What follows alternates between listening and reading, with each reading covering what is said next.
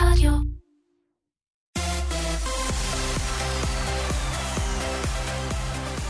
בוקר טוב, ברוכים וברוכות הבאים לפאנל המונדיאל הדו-שבועי של הארץ. אנחנו כאן כדי לסכם את כל מה שקורה וחשוב ומעניין בגביע העולם ברוסיה. אנחנו אחרי שני משחקי הנוקאוט הראשונים, אה, די מטור... לא שני משחקי, שני ימי הנוקאוט הראשונים הדי מטורפים שעברו עלינו. היום איתי באולפן הרחבנו את הפאנל, יש לנו שלושה אה, חברים מדסק הספורט, ניר צדוק כאן, אמיר ענבר, איתי מאירסון. אה, אנחנו נתחיל בלדבר על ההדחה של ספרד. אה, הדחה מפתיעה מאוד, והטיקי טקה שכנראה קורס לו באופן סופי. ניר, אתה אחד מהדוברים הבולטים של מחנה הנגד הטיקי טקה. מה, בתור בן אדם? בתור אה, מה שראיתי עם בתור בן חברים אדם עם עיניים. בתור בן אדם עם עיניים. כן, נורא ואיום. אני חושב ש... אתמול זה היה משחק ש...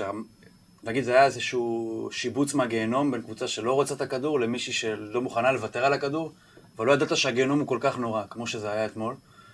ומדברים הרבה על השליטה של הכדור, שהיא כבר לא חשובה כמו פעם, נניח ארגנטינה שלטה יותר בכדור נגד, צרפ... נגד uh, צרפת, פורטוגל מול אורוגוואי, אבל אלו נבחרות שכאילו איבדו את הכדור ונעקצו. פה אפילו אף אחד לא עקץ את ספרד, זה כאילו היה חסר תכלית, חסר פואנטה. לא, זה כאילו לא היה צריך מישהו, איזשהו יריב שירצה לעשות משהו, פשוט יחכה שהזמן יעבור, יעצור להם את כל הניסיונות, נגיע לפנדלים, ושם זה כבר מזל. וזה קורה כי השליטה בכדור, זאת אומרת, הבעיה היא בשליטה בכדור, או באיך נראה שספרד שולטת בכדור? ספרד פשוט איבדה את הרצון או את האמונה שהיא צריכה לשנות משהו לאלתר.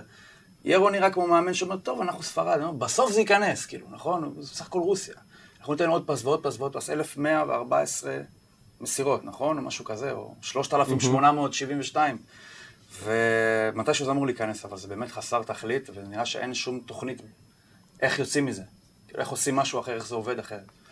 אה, וזהו, זה כבר לא בעיה שלהם. אתם גם השתעממתם מהמשחק של ספרד. הוא כמו- מאוד נהנה, מאירסון. כן? בכל רגע, בכל רגע. אני אוהב משחק סטטי, בלי בעיטות לשער.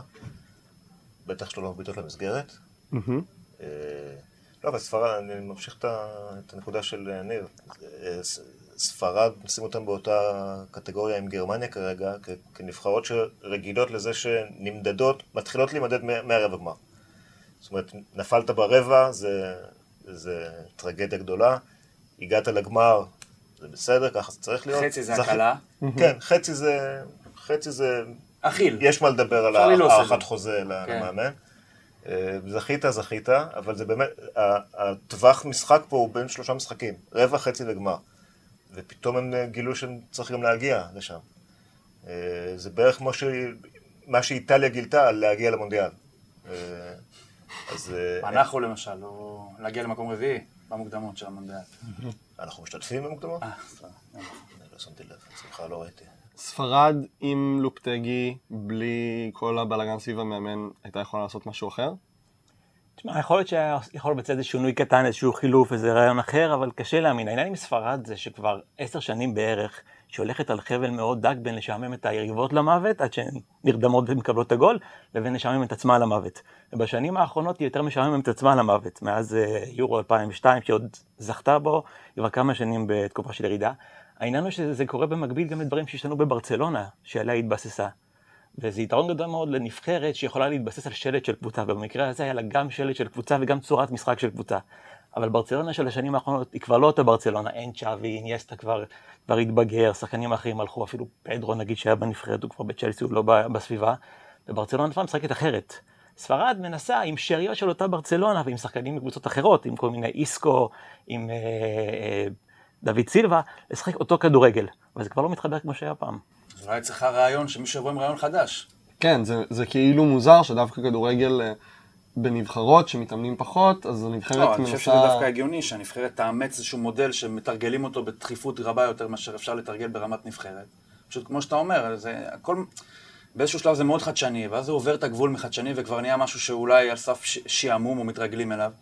ועכשיו צריכים להביא משהו חדש. השאלה היא, מי יביא את זה כשהמאמן מפוטר יומיים לפני? כאילו, גם אם הוא יביא משהו, אז בסוף, רגע לפני שזה מתחיל באמת, אז הוא לא נמצא שם, אז כבר מה אפשר לעבוד? כי אני חושב שאנשים אומרים שהכדורגל של ספרד למשל היה קצת יותר תכליתי במוקדמות מאשר הוא היה, אה, מה שהוא עכשיו במונדיאל. אני חושב שדני פורט כתב את זה בטוויטר. אה, אני מקבל את זה, אבל אני חושב שבסופו של דבר זה ממש ניואנסים. אני חושב שהאמת הגדולה היא, כמו שאמיר אמר, זה כבר שמונה, עשר שנים, אותו כדורגל מאוד סכמטי, כשזה עבד ב-2010 והם לקחו את המונדיאל, אז אתה לא יכול להתווכח עם זה.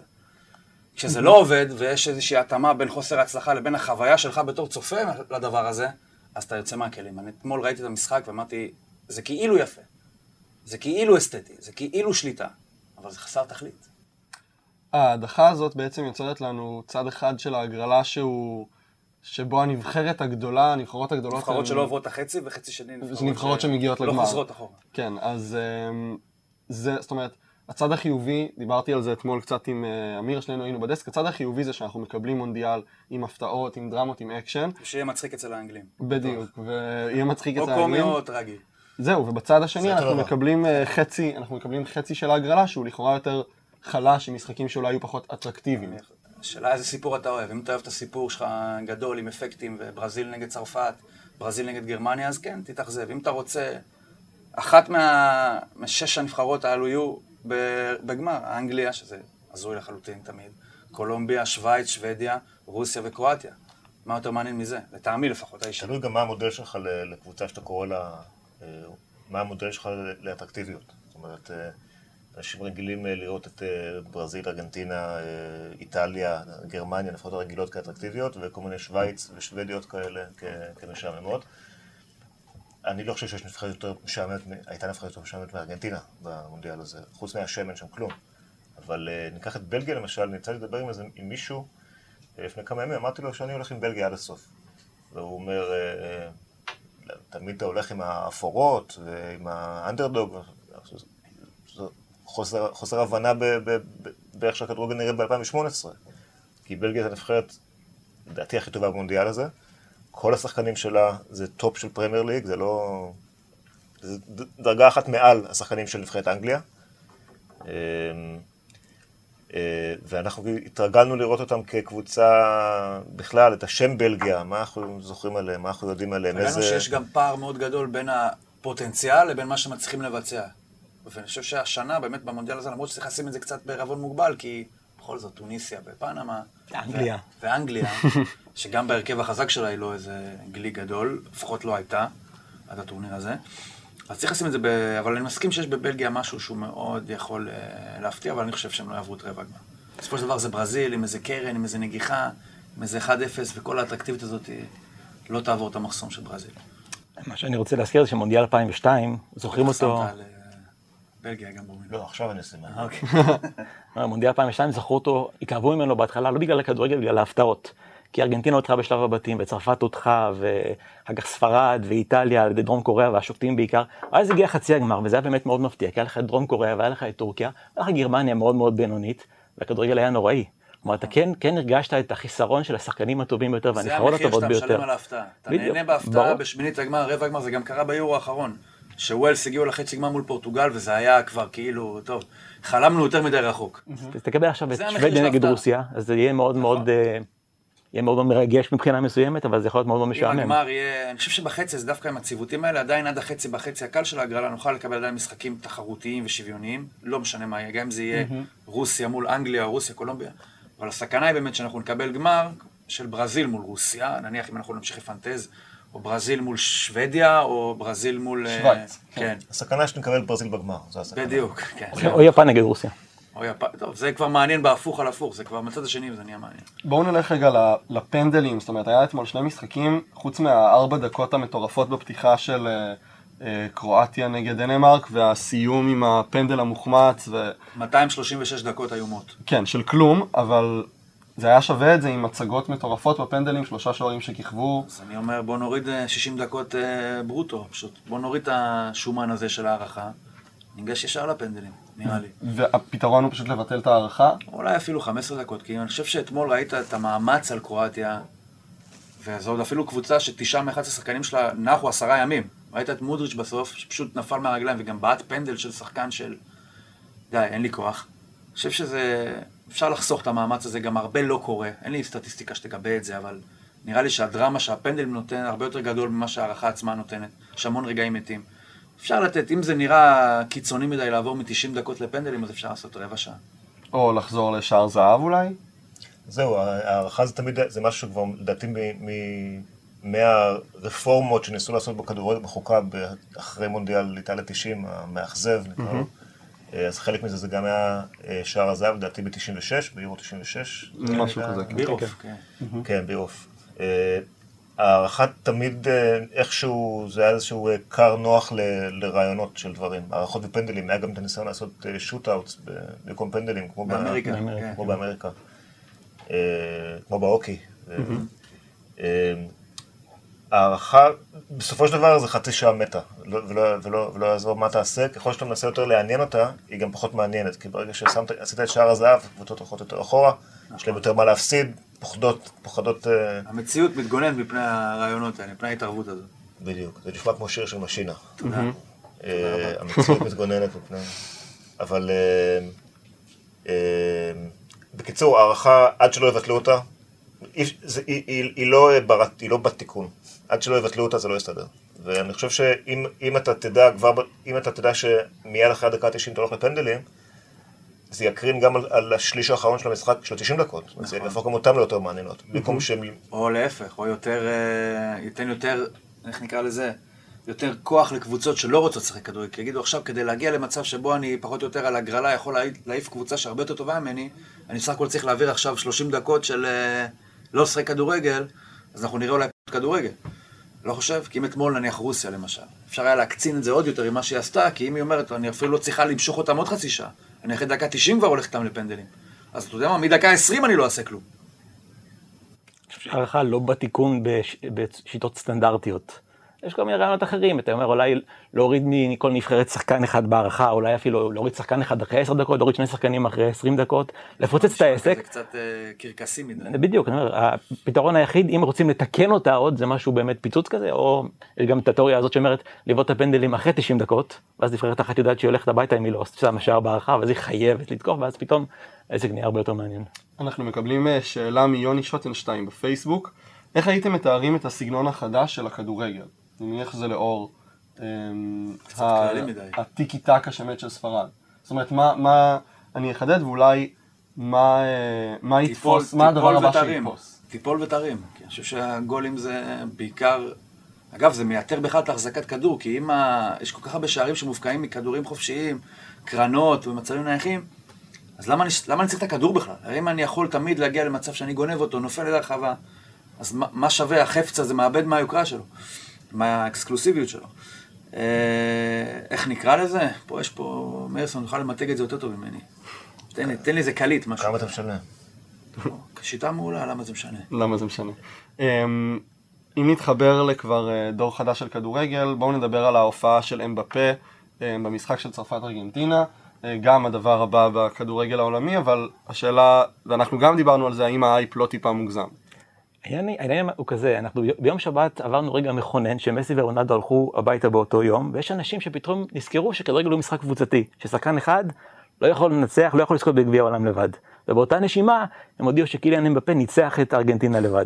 אז זה קצת מוגזם, יש לו נבחרת טובה, ואגב אני חייב לומר שהטובה הגדולה שארגנטינה עשתה לעולם בטורניר הזה, חוץ מזה שהיא הלכה הביתה ולא נצטרך לשמוע יותר על מסי וסן פאולי, ומי יאמן אותה, זה שהיא אילצה את צרפת לשחק כדורגל, שזה בינתיים אף אחד לא הצליח בטורניר הזה. אפילו לא צרפת, כן.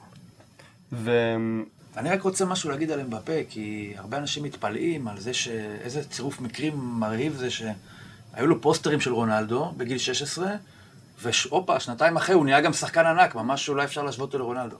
עכשיו, איזה פוסטרים היו אמורים להיות לו בחדר, כאילו, זה כל, לכל נער שמשחק לשחק כדורגל יש פוסטרים של רונלדו, כאילו. או לא רונלדו או מסי. זה לא שיהיה לו פוסטרים של אה, טולסטוי שם, אתה מסכים איתי, נכון? זה צריך להיות פוסטרים של רונלדו. כנראה, כנראה או אז רונלדו או אה, מסי. אם אחד מתוך 800 מיליון בני אדם גם יצא שחקן, אז כאילו, לא הצלחה גדולה כל כך של הפוסטרים. כן, בקיצור, היו יכולים להוציא יותר. לשאלה מה הסיכוי, אתה אומר, כן, מאה- כמו מאה הסיכוי, אחוז. משהו כזה, כן. אבל יש, אני חושב שיש, זה קורה מדי, או, לא יודע אם מדי כל מונדיאל או מדי כמה מונדיאלים, שיש איזשהו רגע מכונן לקריירה. אה, כולם, אה, ממונדיאל אה, 98 לא זוכרים הרבה דברים שלא קשורים לצרפת או ברזיל, זוכרים את, אה, את מייקל אורן. נכון, זה 98 היה? הפריצה שלו שם עם ארגנטינה. זה איזשהו פריצה, איזשהו רגע של, שנמשך 4-5 שניות, שמגדיר אה, שחקן, מגדיר קריירה של שחקן, נותן לו את כל האפשרויות לחוזה הכי טוב, בקבוצות הכי טובות אה, זה. אבל הוא כבר הגיע עם החוזה הכי טוב. כן, הוא כבר הגיע, אבל מבחינת אה, אירוע מכונן בקריירה, אני חושב שלפחות הפריצה הראשונה שלו, הספרינט טיל הזה שהוא נתן כן. שם לפנדל הראשון, זה אולי לא אסתטי כמו איזשהו אה, סללום של אורן או משהו, אבל אני חושב שזה גם רגע מכונן לקריירה של מרקוס רוחו, שהצליח לתפוס שחקן שרץ במהירות של 38 קמ"ש. כאילו, עזוב לעצור אותו או להדביק אותו, אבל לפחות הצלחת להתעלות לו ב... בשוליים של הגלימה, נקרא לזה ככה, אז כבר כל הכבוד למרקוס זה. כמו הקורקינט שדרס את יוסיין בולט, הצליח אה, כן, לעצור כל הכבוד אה, לקורקינט. את הברק. כן. מרקוס רוחו הוא באמת ברמה של קורקינט. לא, אבל האמת שכשהוא יצא, אמ, ההגנה של ארגנטינה, אני לא יודע אם היא הייתה שורדת גם בלעדיו. לא, עם מרקוס רוחו הם מקבלים בדיוק את אותם שערים שהם קיבלו עם פציו. זה היה אותו דבר לגמרי. אני חושב שמרקוס רוחו, יש פה איזושהי קצת בעיה, כי הבן אדם הזה בעצם, הגול התלוש שלו, שלח אותם למשהו שהוא גדול עליהם בשתי קומות, נקרא לזה ככה. והוא עוד יצא במחצית, הוא אפילו לא היה צריך להתמודד עם הדבר הזה. זאת אומרת, הוא יצא באחת-אחת, ואני חושב שלקבל שלושה שערים ב-11 דקות, זה כאילו, ברגע שהכדור היה אצל צרפת, שארגנטינה איכשהו הצליחה להוביל 2-1, רק כי כדורגל זה משחק מאוד, שיש בו מקום כל כך גדול לרנדומליות ולאירועים מקריים, יכול להיות מצב שארגנטינה תוביל על צרפת במשחק הזה. איך שהכדור עבר לצרפת, כי עד אז הוא היה ברגליים של ארגנטינה בעיקר, טאק, שבע דקות, שני שערים, שלוש, שתיים, ארגנטינה שוב פעם צריכה לצאת קדימה, כמה מסירות ומגיעים לשים את השער הרביעי, נראה ממש לא כוחות. אנחנו מקבלים עוד שאלה מהדסק, האם הגול של פבר הוא בעשיריית השערים הגדולים אי פעם במונדיאל בשבילכם? אין לי את כל השערים בראש, אבל uh, אני חשבתי שהשער של מסי הוא הכי יפה, עד שהופקע השער הזה, הכי קשה לביצוע לפחות, ואני חושב שעל השער של פאבר אני יכול להסתכל יומיים. רק לראות את הכדור זז, חבל שהוא היה צריך להגיע לרשת בסוף, חבל שהוא לא יכול להמשיך לזוז. בטורניר הזה הוא הכי גדול, זה, זה גם העניין של הסיפור שלו, שחקן ששיחק בלם בחודשים האחרונים, הוא לא אמור, הוא לא אמור לדעת לבעוט ככה. לא רק שהוא בעט ככה, הוא גם בעט בפיגור 2-1, שאתה לא יודע אם צרפת חוזרת, זה היה מושלם. וכבר נתחבר למסי, רונלדו, כל הזמן אנחנו שומעים ב- מהפרשנים במונדיאל, זה המונדיאל האחרון שלהם, זה כנראה המונדיאל האחרון שלהם. מסי, אני יכול להבין בגלל הלחץ על הגב שלו, אבל היום, לא רק בכדורגל, בכלל בספורט, הגיל שבו שחקנים פורשים, שבו הם עוזבים נבחרות קבוצות, הוא עולה. האם יכול להיות שאנחנו עוד נראה את מסי, עוד נראה את רונלדו, עוד נראה אולי זה? רמוס? אני יודע, יכול ליפול על הפסנתר מחר, אני יודע מה יהיה בעוד ארבע וחצי שנים, הרי זה בחורף. זה עוד... יכול להיות, אני חושב שגם אם זה יהיה, זה בטח לא תהיה באותה מידה דומיננטיות, זה לא יכול להיות באותה מידה דומיננטיות. אה, אז ככה שאם זה יהיה, זה כבר פחות חשוב. גם אם התשובה היא כן, אז הם לא יהיו מסי או רונלדו כמו שאתה תופס אותם היום. אז אה, קשה לענות על השאלה הזאת, ואני לא יודע אם יש תשובה על השאלה הזאת בכלל. אבל אה, מאירסון בטח יש לו איזושהי תשובה. יכול להיות שאנחנו כאנשים שחובבי כדורגל, חובבי סיפורים וחובבי רומנטיקה של, של, של הכדורגל, וחובבי מסי ו/או רונלדו, אה, רוצים לראות אותם כמה שיותר. אה, זה... עד 41, טבעי מבחינתנו. 45, כן, כמו ניסים כהן. אני בטוח אבל שהוא... אבל אה, לא, השאלה היא אבל מה, מה המחיר שזה יגרום מה, מהנבחרות שלהם. זאת אומרת, אה, אה, אני, אני לא רואה מצב ש, שמשהו טוב צומח בנבחרת פורטוגל ב, ב, בשנים הקרובות, לפחות בעמדה הקדמית, כי לא צריך כל- למצוא שום דבר. כלשהי ליד רונלדו, כי לא צריך וכי הוא, לא ייתן, אני לא, לא מכיר אותו עד כדי כך, אני מניח שהוא לא ייתן. אה, וגם אם הוא, הוא לא יעשה דווקא, זה, זה, זה פשוט לא קורה. ליד פרחים גדולים צומחים רק עשבים. אה, תרשום את זה, זה משפט טוב. זה גם שיר של משינה. נכון. כן. אה, אבל אה, אז יכול להיות שמבחינת הרומנטיקה, אנחנו כן רוצים לראות אותם כמה שיותר, מבחינת הנבחרות שלהם, להיפטר. לעבור הלאה. היום אנחנו גם נצפה בעוד משחק עם איזה כוכב ענק, נאמר, יש לו את ברזיל מול מקסיקו, אנחנו גם יהיה לנו את בלגיה מול יפן. ברזיל ובלגיה הן שתי נבחרות שאנחנו היינו רוצים שייפגשו בגמר, ייפגשו, ב... אם שתיהן יעלו זה יהיה אני הייתי ברבע מעדיף שהם לא הגמר. ייפגשו גם ברבע הגמר, אבל... אה, כן, בדיוק. בסדר, אבל הם ייפגשו ברבע הגמר. אה, מקסיקו, אני חושב ש... שוב, התהפך העולם, ניצחו שני משחקים ראשונים, כבר נראה לך שזה בלתי נמנע שזה יהיה ברזיל נגד גרמניה, בסוף גרמניה לא עולים, מקסיקו מפסידים, יורדים למקום שני, כאילו, לא משנה מה הם יעשו, בסוף תהיה איזושהי הצטלבות קשה בשמינית שהם לא יוכלו לעבור אותה. אז אני חושב שככה גם יהיה הפעם. אה, לגבי בלגיה-יפן, כל דבר שהוא פחות מ... ניצחון. שלוש, אחד, אה, שתיים אפס, כל דבר שהוא פחות משתיים אפס לבלגיה, זה מבחינתי הפתעה מדהימה. למקסיקו יש איזה עניין כזה מאוד מוזר, שהם צצים פעם בארבע שנים, אתה מגלה שחקנים נפלאים, כולם אומרים, איך הם לא משחקים במועדונים הכי גדולים באירופה. הם מתחילים את הטורניר נהדר, הם משחקים כדורגל נהדר, ואז כאן נחלשים, מודחים בשמינית הגמר, מאז 94 הם תמיד מודחים בשמינית הגמר, ואתה בעצם מגלה שהשחקנים האלה אתה לא שומע עליהם שוב ארבע שנים. הקטור ררה נראה לי משחק כדורגל מאז 1980 בערך, אני כל פעם שומע כמה שחקן נהדר הוא, ואתה לא שומע עליהם, כנראה שהם לא כאלה גדולים, יש להם איזה משהו בהתלהבות, יש להם כדורגל טוב. יש איזה משהו בהתלהבות שבתחילת זה היה חייב טורניר, לקרות כבר, אז זה נגמר. תריץ נבחרות שהעפילו לרבע הגמר מ-94 עד עכשיו, אז תמצא שם את טורקיה וקוריאה ורומניה ובולגריה ושוודיה ואוקראינה. זה חייב היה לקרות גם למקסיקו. כן, תמיד גם יש שם את מרקס, שאתה בטוח שהוא מרקס, כן. מוכן כן. עדיין, ופתאום הוא מגיע, כן, הוא כבר הוא בן- חנוק. הוא כבר בן 28. הוא חנוק. כל פעם מורידים לו איזה ארבע שנים מהשנים. טוב, ככה, אה, לסיום, כי אנחנו כבר צריכים אה, זה הזמן שאני לא צריך. להסתכל? זה הזמן שאתה לא צריך אוקיי, להסתכל.